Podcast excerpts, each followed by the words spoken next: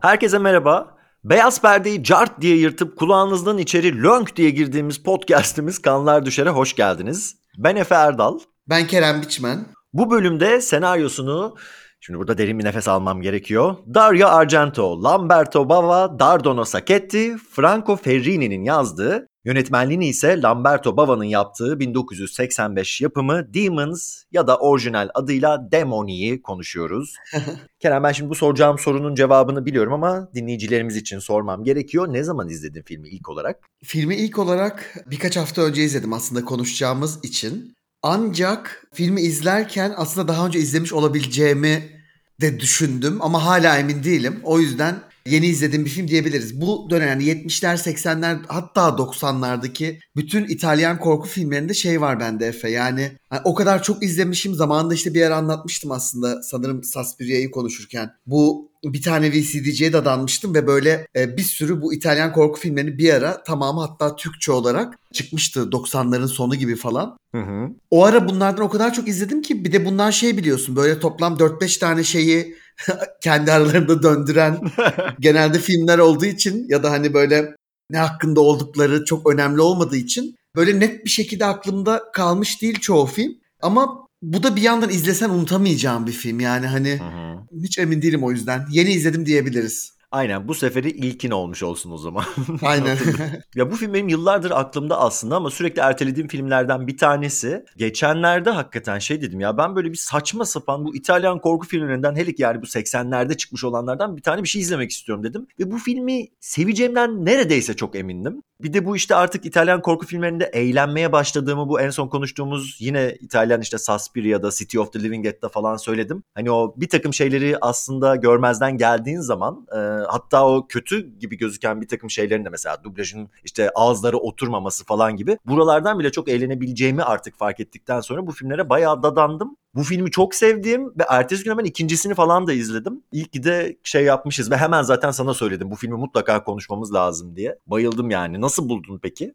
Evet e, ben de bayıldım yani izlediğim günden beri böyle şey sürekli aklıma geldikçe bazı parçalar eğleniyorum ve şey söylediklerine çok katılıyorum. Aslında City of the Living Dead'i konuşurken de benzer şeyler söylemiştim. Bu dönemi gerçekten bir de çok fazla film var Efe yani şimdi bunların hepsini izlemeye kalksak hani böyle bakıyorum. Mesela bir yönetmen o kadar çok film çekmiş ki bunların büyük ihtimalle bazıları işte video için çekilmiş belki bazıları televizyon filmleri falan ama birçok şey var ortada. Gerçekten vaktim olduğunda bunlara ciddi bir zaman ayırmak ve hepsini teker teker izlemek istiyorum. Hatta bu yönetmenlerin elinden çıkmış korku olmayan filmleri izlemek istiyorum. Onlar da garip bir şekilde çok ilgimi çekiyor. Çok sevdim filmi. Yani muhteşem bir film bence. İnanılmaz eğlenceli.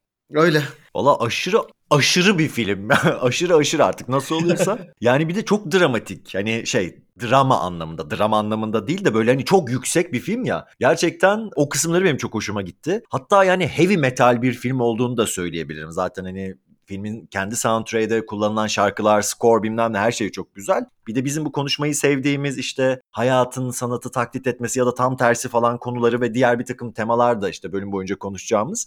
Bunlar da çok ilgimi çekti. Ama hepsi bir yana gerçekten deneyimin kendisi çok çok güzeldi. Çok yüksekti yani bayağı böyle eğlenerek izledim. Bir de bu filmi yapan ekip yani filmin elinden çıktığı ekip İtalyan korku filmleri kraliyet ailesi mübarek. Lamberto Bava'nın babası Mario Bava zaten Master of Italian Horror diye biliniyor. Argento hem işte senaryoda parmağı var hem yapımcısı filmin. Dardano Sacchetti keza 1970 ile 90 arası onlarca korku filminin yazarı ki City of the Living Dead'i de o yazmıştı, konuşmuştuk. Franco Ferrini'nin de onun kadar çok olmasa da filmografisi korku filmleriyle dolu. Bir yandan da insanın şu soruyu sorası geliyor. Bu filmi gerçekten 4 kişinin yazmasına gerek var mıydı?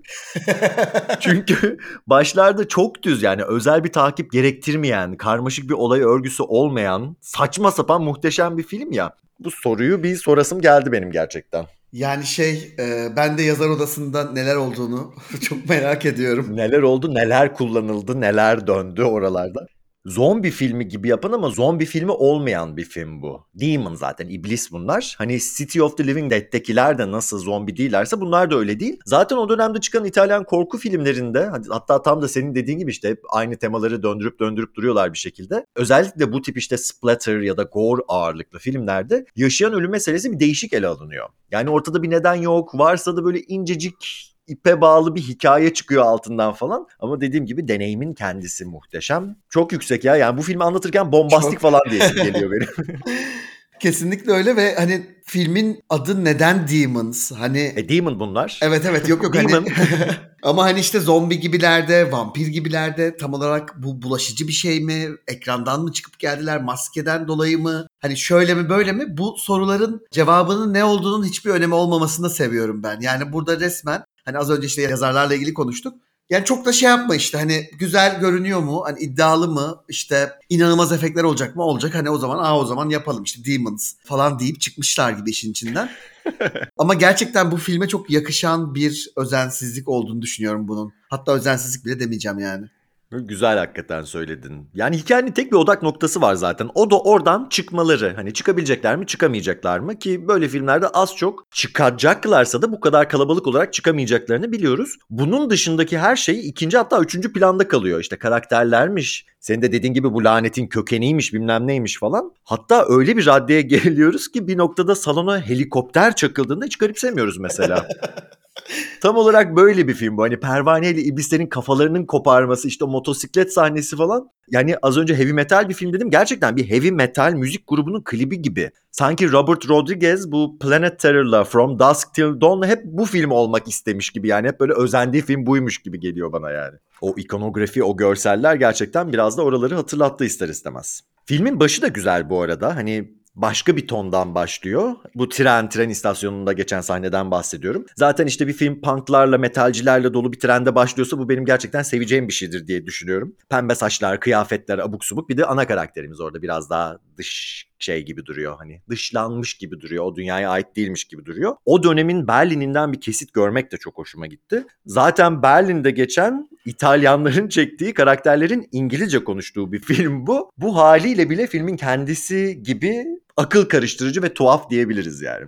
Kesinlikle öyle. Yani karman çorman. Bu dublaj meselesini sonralarda konuşacağız mı bilmiyorum. Oyuncular da zaten aslında başka başka yerlerden bence. Yani bir kısmı. Ve bazılarının mesela dudakları şeyde uyuyor o dubbingle ama diğer bazılarının uymuyor. O çok ilginç yani hani İngilizce konuşuyor olsa bile mesela arada şey kaçıyor falan. Ama mesela o şeyi bile seviyorum. Dediğim gibi bunu daha önceki filmlerde konuşurken söylemiştik. Çünkü bütün o yatsıma ve o böyle o tuhaf his de aslında bu filmlerin eğlenceli olma e, faktörüne bayağı bir şey katıyor. Kesinlikle öyle. Ben işte İtalyan korku filmlerini sevmeyi öğrendim derken tam olarak bunları sevmeyi öğrendim. Yoksa çok ciddiye aldığında hani pürüzlerini falan gösteren filmler. Ama işte bu kadar ciddiye almaya gerek yok. Tam da bu pürüzlere rağmen, bu hatta bu pürüzler sayesinde güzel, eğlenceli olan filmler gibi geliyor bana.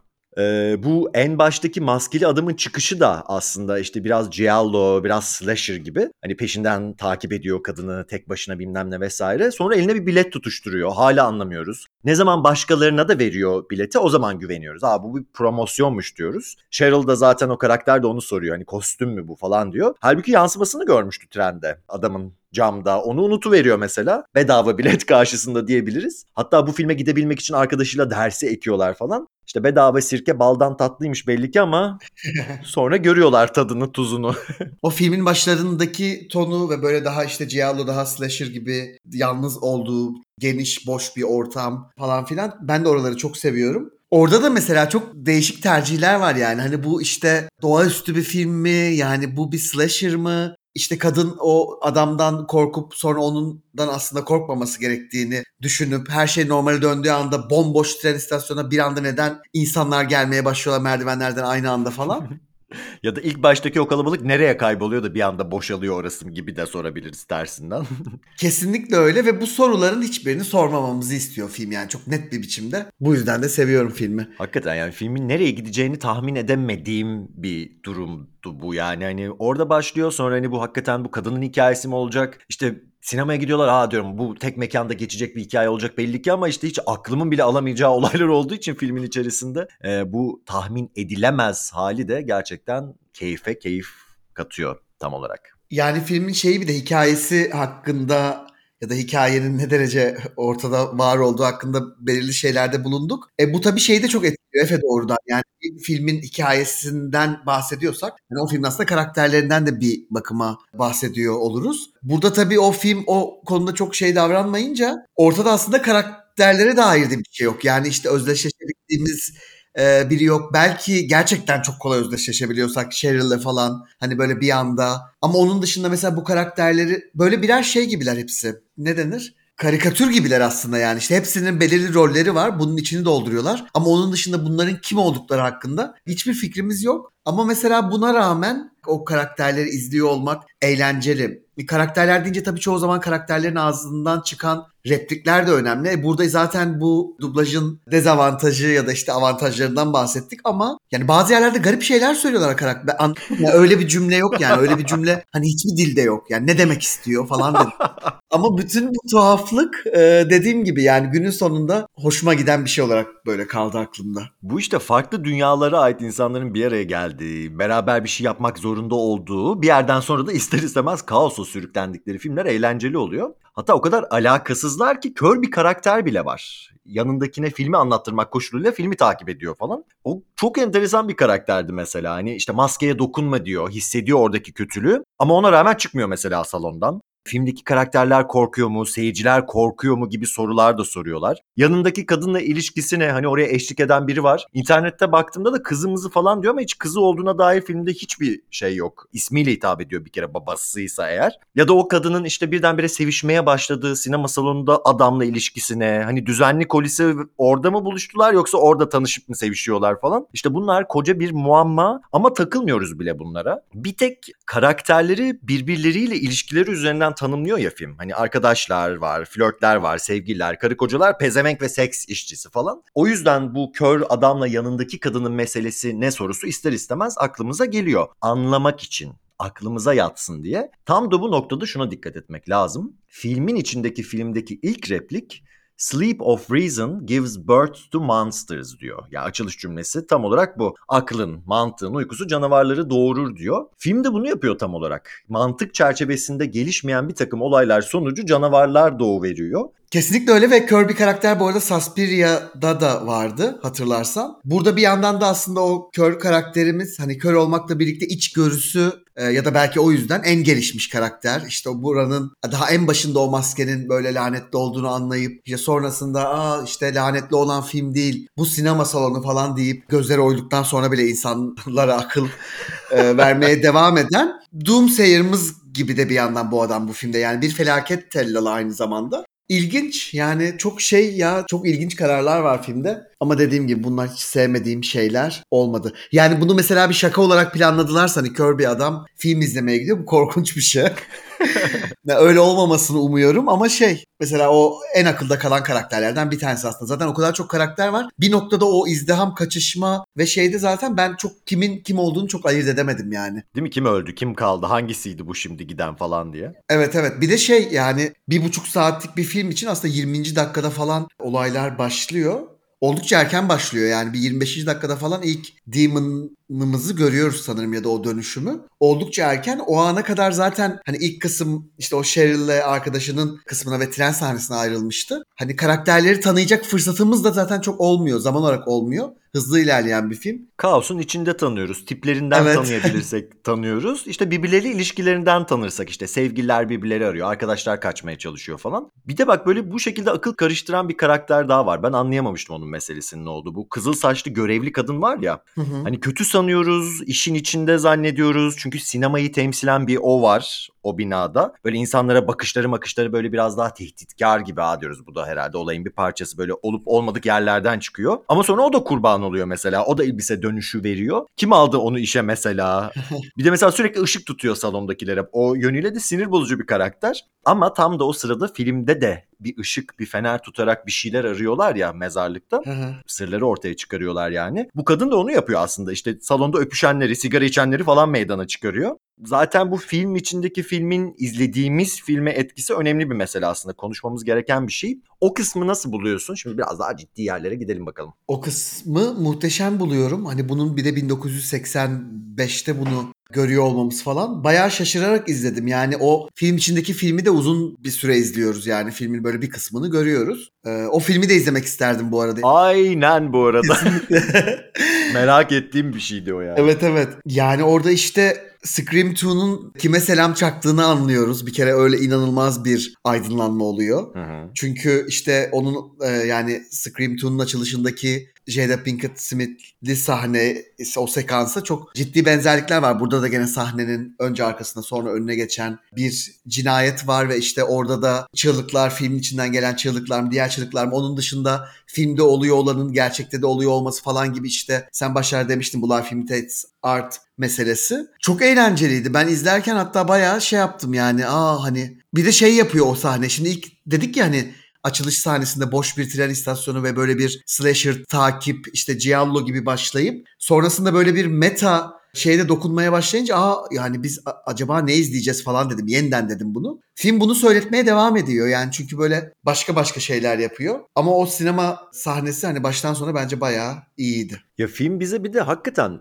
birçok film izletiyor. Bir film içindeki film var. Hani bir film fiyatına iki süper film birden izliyoruz yani. Bir yandan mesela işte filmin başındaki hali var. Filmin sonundaki bu post apokaliptik hali var falan böyle. O yüzden hani çeşitli türlerden bir de tabii ki ortasındaki o koskocaman yer var. Ee, çeşitli alt türlerden böyle bir postiş gibi. O yüzden hani o kısmı da güzel. Sadece tek bir şey değil. Yani bir sürü aklı karışık çok şey. Bu izledikleri film de biraz şey gibi Evil Dead gibi. Kitaptan geçen bir lanet var ama aynı zamanda maskenin takılması üzerinden de veriliyor. Burada da bir maske olayı var. İşte o siyah seks işçisinin Rosemary'nin taktığı. Ee, ama mesela bizim izlediğimiz filmdeki kitap yerini filme bırakmış durumda. Yani film içindeki filmdeki kehanet, uyarı sözcüklerden geliyor. Burada ise görüntüden geliyor, sesten geliyor, sinemadan geliyor yani. Hatta şöyle anlar var. Film içindeki filmdeki diyaloglar filmi izleyen karakterlerin üzerine düşerek bir nevi dış ses işlevi görüyor. Mesela Rosemary salondan çıkarken tam da yarasını temizlemek için filmden şöyle replikler geliyor. Dezenfekte etmen lazım. Aman sadece bir çizik abartma falan gibi böyle. Hani izlediğimiz görüntünün üzerine de anlam katıyor. Yani hayatın sanatı, sanatın hayatı taklit etmesi bir kenara birbirlerini tamamlar hale geliyorlar. Hatta filmin bir noktasında hani filmde kullanılan bu heavy metal müzikler de aynı işlevi görüyor. İşte kurtulamayacaksın, dua et, işte ruhunu kurtar falan filan gibi. Hani ne görüyorsak onu anlamlı hale getiriyorlar ekstradan. Ya da şöyle şeyler var mesela işte film içindeki filmde korkup mezarlıktan gitmek isteyen bir karakter var. Salondan da çıkıp gitmek isteyen bir karakter var bu. Cheryl'ın arkadaşı Katie mesela. İşte buraları hep o dediğimiz sanat, sepet, hayat iç içe burada böyle karmaşık bir şey. Güzel bir şey ama güzel işliyor yani.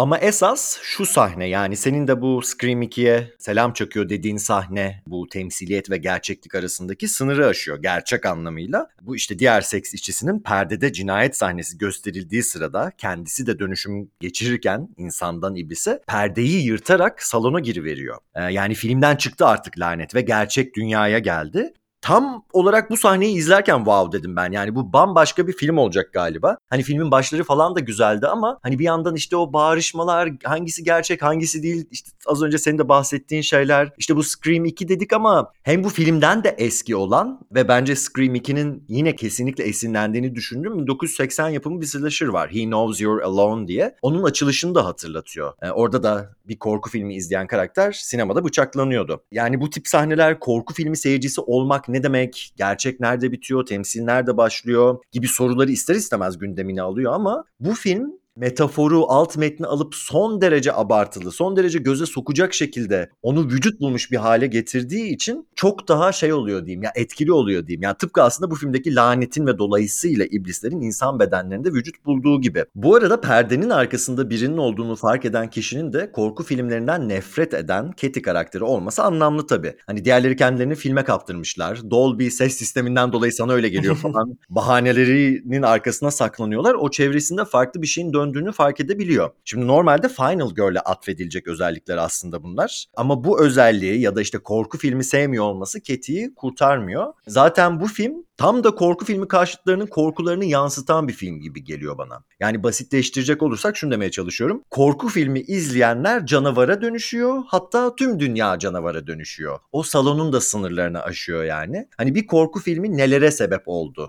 Bu gerçek dünyadaki insanların korku filmlerine atfettikleri fazla önemin çok abartılı bir hali. Ki bizim hani ta ilk bölümden itibaren konuştuğumuz bir konu bu. Yani Scream'den beri hani dünyayı savaş alanına döndüren şey filmler değil, dünyayı savaş alanına döndürmek isteyen ve bundan kar eden insanlar yani. Bunu tekrar tekrar söylüyoruz. O yüzden filmlerin böyle bir gücünün olması anca bunun gibi abartılı saçma sapan filmlerde mümkün olur diyormuş gibi geliyor bana.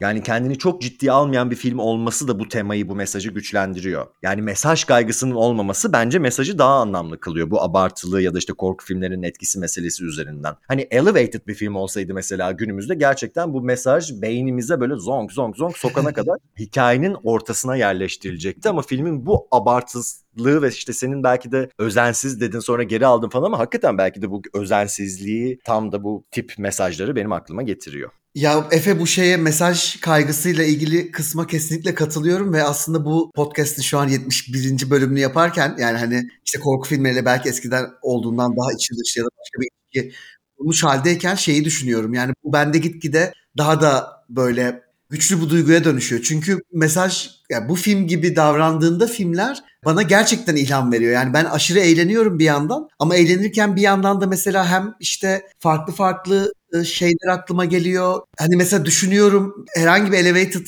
korku filminde düşünmeyeceğim kadar çok düşünüyorum arka planda isteyerek ya da istemeyerek. Ve mesela bu benim çok hoşuma gidiyor ve sanırım 100. bölüme geldiğimizde Elevated Horror'dan tamamen nefret eden bir izleyici olarak çok ilginç bu. Çünkü bu tuhaf bir his veriyor bana. Bu Stay of the Living Dead'i konuşurken de söylemiştim yani. Bu filmler beni böyle bambaşka bir şeye sokuyor. Ee, ve o duyguyu gerçekten çok seviyorum genel anlamda. Bir de şey söyleyeceğim. Bu işte filmler katil yaratırım falan zaten ilk bölümü aslında böyle başlamıştık. Ee, yine bu podcast'in ilk bölümünü. O noktada tabii ki sana katılıyorum. Filmlerin katil hani yaratıp yaratmaması dışında hani bu filmde olan mesela işte hani doğrudan hikayede bir lanetli filmin olduğu işte yapım sürecinin ya da filmi izleyen kişilerin lanetlendiği şu oldu bu olduğu konuları da gerçekten çok seviyorum. Çünkü orada o işte gerçeklik ve temsil ikiliğinin bir noktada zorlandığı ya da şimdi filmleri çok seviyorum. Film izlemeyi de çok seviyorum. Dolayısıyla filmlerin hani bir filmlerin birini öldürme kapasitesi olduğu filmleri daha da çok seviyorum. Çünkü orada o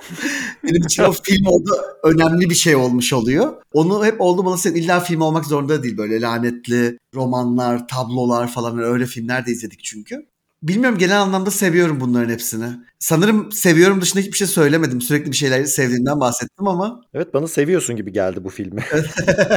bir de şey de çok enteresan. Hani burayı da önemli buluyorum. Hani bu filmde bir lanet var falan filan neyse artık ama hani filmin kime ait olduğu bilinmiyor sinemanın bina olarak ama aynı zamanda sanat olarak da diyelim kime ait olduğu bilinmiyor bu filmde. Hani filmin bir baş kötüsü yok. Hani bir büyük bir plan yok bunun arkasında. Projeksiyon odasına giriyorlar mesela makinist yok içeride. Hani sanki filmin kendisi başlı başına büyük bir şeytani güçmüş gibi. Ki filmi de kopardıklarında o lanet bitmiyor yani. En mantıklı gelen şey filmi durduralım diyorlar ama işte çoktan yayılmış oluyor. Bu arada evet hani o maskeli adamı filmin başında ve sonunda görüyoruz ama o da, böyle özel bir mastermind falan değil. Hatta o maskeli adam bu işte Mortal Kombat'taki Kano gibi duran adam yani onu oynayan oyuncu film içindeki filmin ilk kurbanı. İlk dönüşen, maskeyi ilk takan kişi hani o performansın içine hapsolmuş, o lanetten kurtulamamış ve gerçek dünyaya sızmaya çalışıyor gibi. Hatta yani filmin başında metroda gerçek dünyaya sızmış olduğunu görüyoruz. Hani zaten çoktan burada ama bir nevi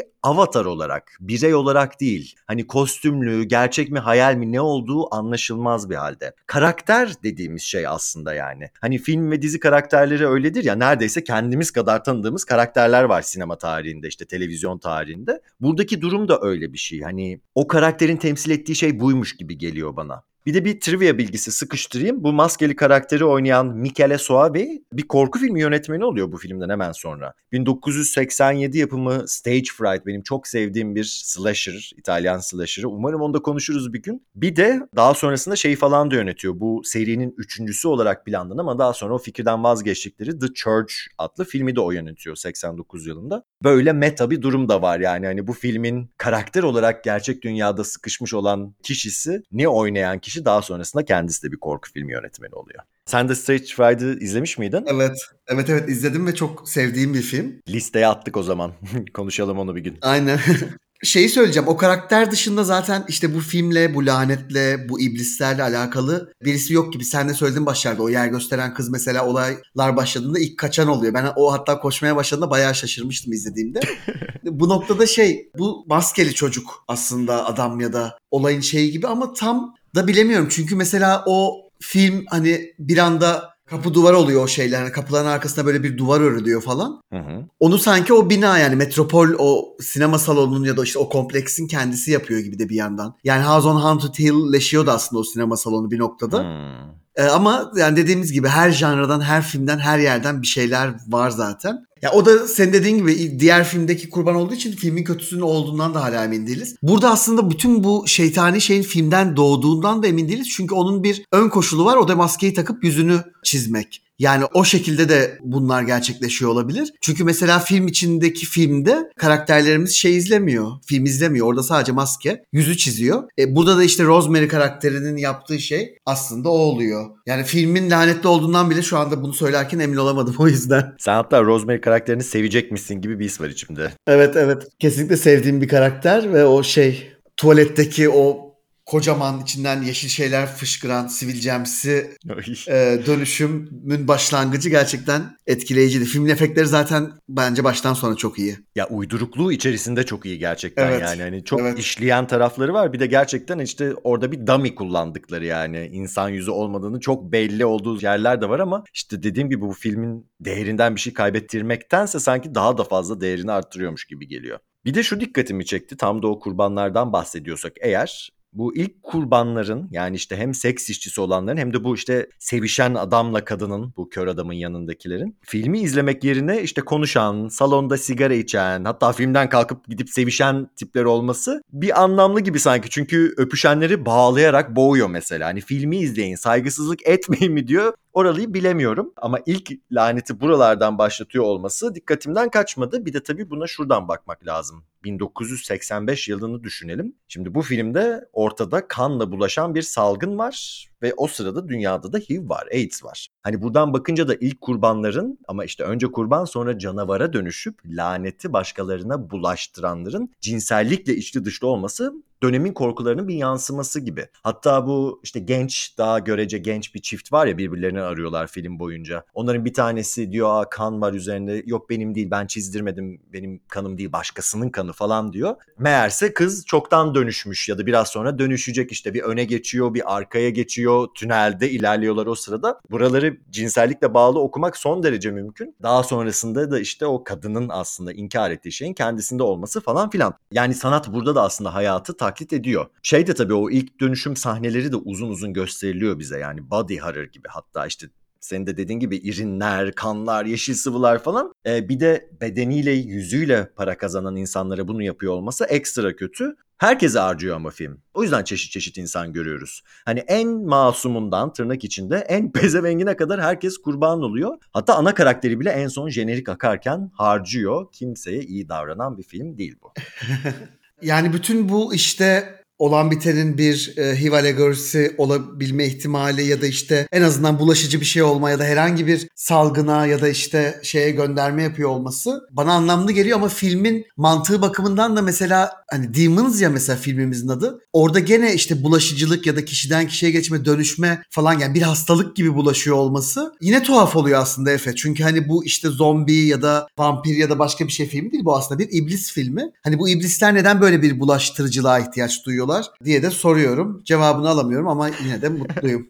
işte yani tam olarak da hani biraz da siyaseten doğruculuk yapmayan bir film bu ve dönemin korkularını yansıtıyor gibi geliyor bunlar bana. Yani evet bildiğimiz anlamda ne bileyim zombi istilası mesela işte o kanla birbirleriyle şey yaparak bulaştırırlar işte yaralanırlar birbirlerinden saklarlar falan işte bu az önce bahsettiğim gençlerin yaptığı gibi. Buraları iblise dönüşen ve işte bir takım kan üzerinden geçen hani anladığımız kadarıyla bir yandan da işte ne bileyim seks işçileri üzerinden herkese yayılan bir şey var bir mesele var ortada. O yüzden yani ister istemez buraları düşürüyoruz ama bütün o akıl karıştırıcılığı içerisinde zaten bulabildiğim bir şey bu yani. Hani tutunabildiğim mesajlardan bir tanesi tanesi. İyi bir mesaj da değil tabii ki bu. Ama yani dediğim gibi siyaseten doğruculuk yapmayan filmler bunlar zaten. Öyle olmalarına da gerek yok. Dönemin korkularının abartılı bir versiyonu gibi ama bu biraz da şey gibi. Hani az önce de dedim ya korku filmlerini eleştiren insanların korkularının da çok abartılı bir versiyonu. O dönem işte bilinmeyen, kaynağı bilinmeyen ve ne bileyim genellikle işte eşcinsellere ve daha çok seksle içli dışlı olan insanlara ya da bir takım gruplara atfedilmiş bir hastalığın ortasında bulundukları durumda da böyle bir temsiliyet görmek bana şaşırtıcı gelmiyor. Çok daha beterlerini de gördük aslında yani o dönemden çıkmış olan filmler arasından. Yani şeyi de konuştuk işte ne kadar filmin abartılı tercihler yaptığını ve bunun muhteşem olduğunu. Ben de bu arada bilirsin abartılarımla bilinirim. Öyle olunca da çok hoşuma gidiyor filmlerde. Yani zaten eğlenmek için izlediğim bir filmde bunları izlemek daha da eğlenceli olabiliyor. Şey sahnesi mesela işte o sinema salonunun içinde samuray kılıcıyla birinin işte iblisleri doğradığı bir sahneyi gördüğümüzde artık bu filmde görebileceğimiz hani en yüksek şeyin bu olabileceğini düşünüyoruz ama yaklaşık bir dakika sonra falan bir helikopter düşüyor şeye sinema salonuna. Bir yandan da güzel yani korku filmlerinde hani işte keşke korku filmleri hala böyle olabilse falan da dedirtiyor. Yani bütün o emek, bunları bir korku filmin yapabiliyor olması falan gibi. Bunu mesela bir de şey geliyor aklıma. Bu filmi Amerikalı bir yönetmen çekseydi sanki Joe Dante çekermiş gibime geliyor. Yani bütün o aksiyon falan gibi şeyler birazcık onu çağrıştırdı bana. Sen ne düşünüyorsun genel set piece'ler konusunda falan? İşte ben de başta dediğim gibi yeni bir yönetmen çekseydi görece Joe Dante'den Robert Rodriguez'e mesela Evet. çok daha yakıştırırdım ben bu manyaklığı. İşte çok benzerini yapmışlığı var o yüzden hem Planet Terror'da hem From Dusk Till Dawn'da hani ikisinin birleşimi ya da ikisinin kökeni bu filme dayanıyormuş falan gibi geliyor bana. O set piece'ler acayip yani ben artık aklımı yitirecektim gerçekten o motosikletli samuray sahnesinde yani öyle bir koşturuyorlar ediyorlar salondan çıkıyorlar tekrar merdivenlerde de motosikletle inip çıkıyorlar sonra tekrar bir salona giriyorlar bitmiyor. Sonra tam ne olacak falan dediği anda da şeyi görüyorsun yani hakikaten bir helikopter iniyor aşağıya. Orada da anlıyorsun zaten ha diyorsun. Dünyaya da yayılmış artık bu e, lanet. Daha ne göreceğiz başımıza ne gelecek falan diye. Bence döneminin ötesinde ve çok büyük iddialı bir şey söylüyor. Şimdi biz bu tip filmlerin ve bu tip finallerin aslında ne bileyim 90 sonrası filmlerde çok karşımıza çıktığını görüyoruz. Ama o dönemki şeylerde Bilmiyorum gerçi İtalyan filmlerinin sonunda hep böyle bir olumsuz bitiyor zaten. Yani ona az çok aslında alışmış olmamız lazım ama mutlu bir tablo sunmuyor ister istemez. Bu film de aynısını yapmıyor. Şaşırtıcı bir şekilde ikinci film mutlu bir tabloyla bitiyor bu arada. E, spoiler vermiş oldum ama en azından tablonun ne olduğunu söylemeyeyim. O da böyle bir apartman gökdelende falan geçiyor. Orada yayılıyor lanet. Onu izledin mi bu arada? İkincisini izlemiş miydin? İkinciyi izlemedim yani izlemediğimi düşünüyorum. Mutlaka izle Kerem. Yani hemen üzerine izle. Bundan ne keyif aldıysan onun hani bir benzerini alıyorsun gerçekten. Bu arada şey biz neden hiç Rodriguez konuşmadık bu bölüme kadar? Bilmem hakikaten Rodriguez düz bir korku filmi yönetmeni değil ya. İşte ne var? From Evet. Dusk Till Dawn var. Still Down, evet. Planet Terror var. Başka var mı? Başka yok ama hani 90'lardan bir şey konuşmayı hep çok istediğimiz için belki From Dusk Till Dawn. Olabilir hakikaten. Eğlenceli bir film o. İşte onu ne Evet. bileyim korku filminden ziyade korku komedi de denmez. mi? Komedi. Suç belki ama her şey işte Tarantino'nun o çorbası gerçekten burada da şey yapıyor kendini gösteriyor Robert Rodriguez'de de. Konuşuruz ya hakikaten araya onu da şeyini sıkıştırmış olduk şimdi. Ee, bu filme dair son olarak şuna değinmek istiyorum ben. Şimdi lanetin dördüncü duvarı aşıp dünyaya etki ettiği bir filmin şehri ortadan bölen bir duvarın olduğu Berlin'de geçiyor olması da anlamlı bence. Buna vurgu olmasa da filmin içerisinde. Bir kere salondan çıkmaya çalıştıklarında hakikaten çıkış kapılarının duvara dönüşmüş olduğunu görüyor karakterler. Hatta bu salonun içindeki duvarları kırıp daha fazla duvarların olduğu yerlere çıkıyorlar. Yani duvarın arkasında hapis gibiler. Ne zaman bu e, kola kutusunun içinden kokain çeken tipler filme giriyor. Hatta filme girmekle kalmıyorlar. Salonun da içine giriyorlar. Lanet o şekilde tüm dünyayı sarıyor. Şimdi bu Coca-Cola'nın kullanımı hani matrak bir espri gibi dursa da kokainin de kolanın da coke kelimesiyle karşılığını bulması üzerinden söylüyorum. Aynı zamanda kapitalizmin en büyük sembollerinden bir tanesi Coca-Cola. Lanetin dışarı sızması bu kolalı kokainmanlar sayesinde oluyor. Ama bu işte lanet sosyalizmi mi, kapitalizmi temsil ediyor biraz seyirciye kalmış. Çünkü sonuçta her iki sistem de e, sinema tarihi boyunca zombiler ya da işte zombileşmek üzerinden anlatılmaya çok uygun. Böyle yapılmışlığı da var hakikaten. Ama hangisi olursa olsun artık kaosu beraberinde getiriyor. Önce sinemada hani bildiğin hakikaten barikat kurmaya başlıyorlar bir yerden sonra. Koltukları söküp duvarları kırıyorlar. Direniş alanı oluyor yani sinema. Sonra da şehrin kendisi kaosa sürükleniyor. Hatta en son dışarı çıktıklarında böyle karşılarına çıkan iblisler kepenk gibi şeylerin ardından kendilerine ulaşmaya çalışıyor. Hani arada bir engel var, bir duvar var aslında. Ve son olarak da sinema binasının adının Metropolis olması da tuzu biberi oluyor bence bu okumanın. Ama işte bu filmi sevmek için bunları düşünmeye gerek yok. Yani başından beri söylüyorum bunlar hep ikincil şeyler. Hani güzel olan gerçekten o lanet yayıldığında birdenbire salonda bir izdiham çıkması. Bu işte heavy metal dedik filmin soundtrack'i, bu motosiklet, helikopter sahnesi falan filan. Şey mesela bu işte filmin afişi de olmuş olan o merdivenlerden çıktıkları ya filmde benim en sevdiğim planlardan bir tanesi. Ya da bu hani kızlara sulanan George ve Ken karakterleri arasındaki cinsel gerilim mesela. bu filmi e, eğlenceli kılan şeylerden bir tanesi. O yüzden bu duvarmış bilmem neymiş falan filan hakikaten benim için duvarın bir arka tarafında kalıyorlar. Öncesi tam olarak da bu deneyimin kendisi yani. Evet bir de şey hani mesela ciddi şeyleri konuşmaya başlarsak filmde sevmeyeceğimiz şeylerin ortaya çıkma ihtimali de çok var. İşte filmin mesela siyah karakterlere olan yaklaşımı falan gibi. Ama şey e, pek bunları düşünmedim yani şey yaparken. İşte hakikaten bunları düşünmeye gerek bile olmuyor. Bir de ne tarafa çekersen oraya da geliyor ya bu tip filmler. Yani şey de diyebiliriz evet siyahlara saldırarak başlıyor. Onların üzerinden bulaşıyor lanet falan ama aynı zamanda herkese bulaşıyor yani. Hani bütün dünyaya bulaşıyor. En sonunda aileler böyle silahlanmak zorunda kalıyorlar. Böyle küçük çocuk vuru veriyor Cheryl'ı Meryl'ı falan. Ya bu işte şey çok komik geliyor bana. Matrak geliyor yani. Hani bir korku filminin nelere sebep olması dünyayı kaosa sürükledi yani. Hey bakalım nasıl bir filmmiş bu. Nasıl bir korku filmiymiş gerçekten yani. Nasıl bir gücü varmış. Keşke bu kadar gücü olsa filmlerin yani.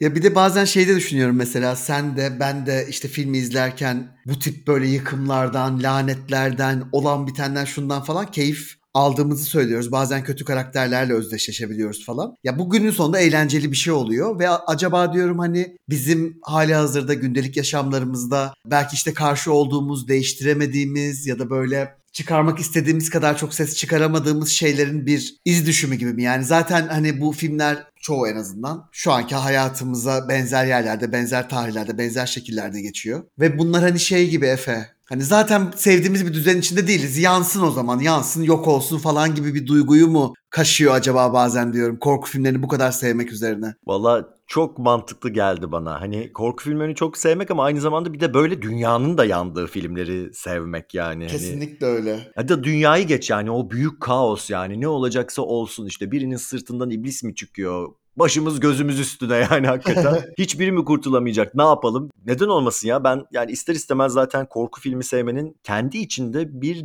tık anarşist bir şeyi olduğunu düşünüyorum. Hani böyle bir politik görüşten ziyade zaten hani korku filmleri sürekli yasaklanan edilen bir şeyi böyle onu izlemeye ısrarla çalışmak insanın içinde böyle asi bir yanı olması gerekiyormuş gibi geliyor bana yani bu tip bir şey ısrarla geri dönmek, ısrarla hani izlemek üzerinden. O yüzden ne oldu şimdi anarşist mi ilan etmiş olduk yani. yani ne oldu iki korku filmi izledik geldik podcast yaptık diye. Oley devrim. Ama şey yani işte dünyanın her yerinde bütün böyle LGBT artıların ya da işte toplumdan dışlanan, ötekileştirilen falan birçok toplumsal grubun korku filmlerini bu kadar seviyor olması hani bir rastlantı olamaz gibi mi geliyor? Yok kesinlikle değil sahiden de. O yüzden yaşasın korku filmleri ya ne diyelim. Baya ya bir de zaten bu film de seyirci olmak üzerine aslında. Şeyi de izlemesi de çok güzeldi yani. yani filmi izleyen insanların tepkilerini izlemek normalde çok sıkıcı bir fikir gibi gelebilir ama çok eğlenceli geldi bana. Hani onların şaşkınlıkları, korkmaları, o sırada birbirleriyle flörtleşmeleri, hatta belki filmi hiç izlemeyip öpüşmeleri falan filan. Bir de sinemada film izlemenin büyüsüne dair de bir şey söylüyor aslında. Ki ne yazık ki artık dünya üzerinde benim için çok var olduğunu söyleyemeyeceğim bir şey. Yani o 1990'ların ikinci yarısından itibaren böyle bir tek başına sinemaya gitmeye başladığım hani küçük çocukken o dönem benim için gerçekten çok büyülü bir dönemdi ve o filmlerin hepsi de korku filmleriydi bu arada. Ne yazık ki artık yeni dönemde onu hissedemiyorum. Bilmiyorum sen sinemada artık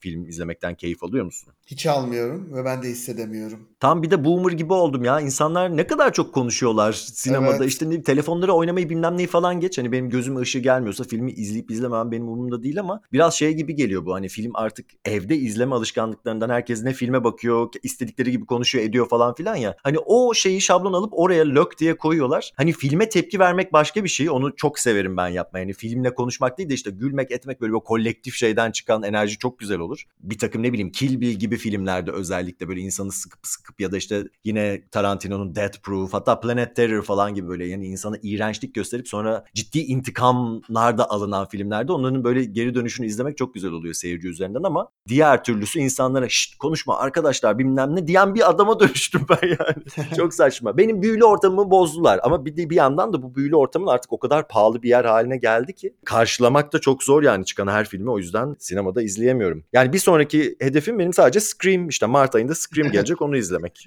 Ondan sonra bir şekilde düşüyor zaten filmler önümüze. Yani ben de Scream'i tabii ki dört gözle bekliyorum ama... Ama Nev Campbell yok o herhalde. evet evet yani Çok da dört gözle beklemiyorum. Ya hem bekliyorum hem beklemiyorum. Böyle çok değişik bir ruh halindeyim. Bakalım yani nasıl bir şey olacak. Yani filmi gerçekten çok sevmem gerekiyor. Hani Sydney olmadan da sevmem gerekiyor falan. Zorlu bir duygusal süreç beni bekliyor. Vallahi belki de sürpriz yapacaklar mı? O kadar tantana yaratıp da öyle bir sürpriz yapmazlar herhalde. Sanmıyorum ama o kısa teaser'ı gördüğümde bile mesela hiç heyecanlanmadım. Bu çok çok üzücü bir şeydi benim için. Gerçekten mi ya? Evet, evet. Ah Kerem ah. Şimdi birkaç gün içerisinde yeni fragmanı gelecek. Hatta belki biz bu programı, bu bölümü koyduğumuzda çıkmış bile olabilir. Ben umutluyum ya. Yani bakalım. bu Scream konusunda da şimdi nereden geldik Scream konusuna? Ama işte hayran olmak, şey olmak bir de birinci bölümden itibaren konuştuğumuz. Yok Scream 2 atıflar falan deyince belki ister istemez buradan çıkıyor. Geldiğimiz nokta bizi şaşırtıyor işte. Scream 4'te beni kaybetmişti mesela seri. Bunu da toparladı. Bir sonrakinde seni de kaybedecek mi acaba Evet. falan. Biz de değişiyoruz ya bu seriyle beraber ne yapalım. Evet. Öyle. Valla sinema güzel, korku filmleri çok daha güzel. İyi ki varlar. Deyip böyle yine barış, kardeşlik, sinema övdüğümüz bir bölüm oldu. evet belli ki bu filme dair artık söyleyeceklerimiz bitti ki başka şeylerden bahsetmeye başladık. Dinlediğiniz için teşekkür ederiz. Bir sonraki bölümlerde görüşmek üzere.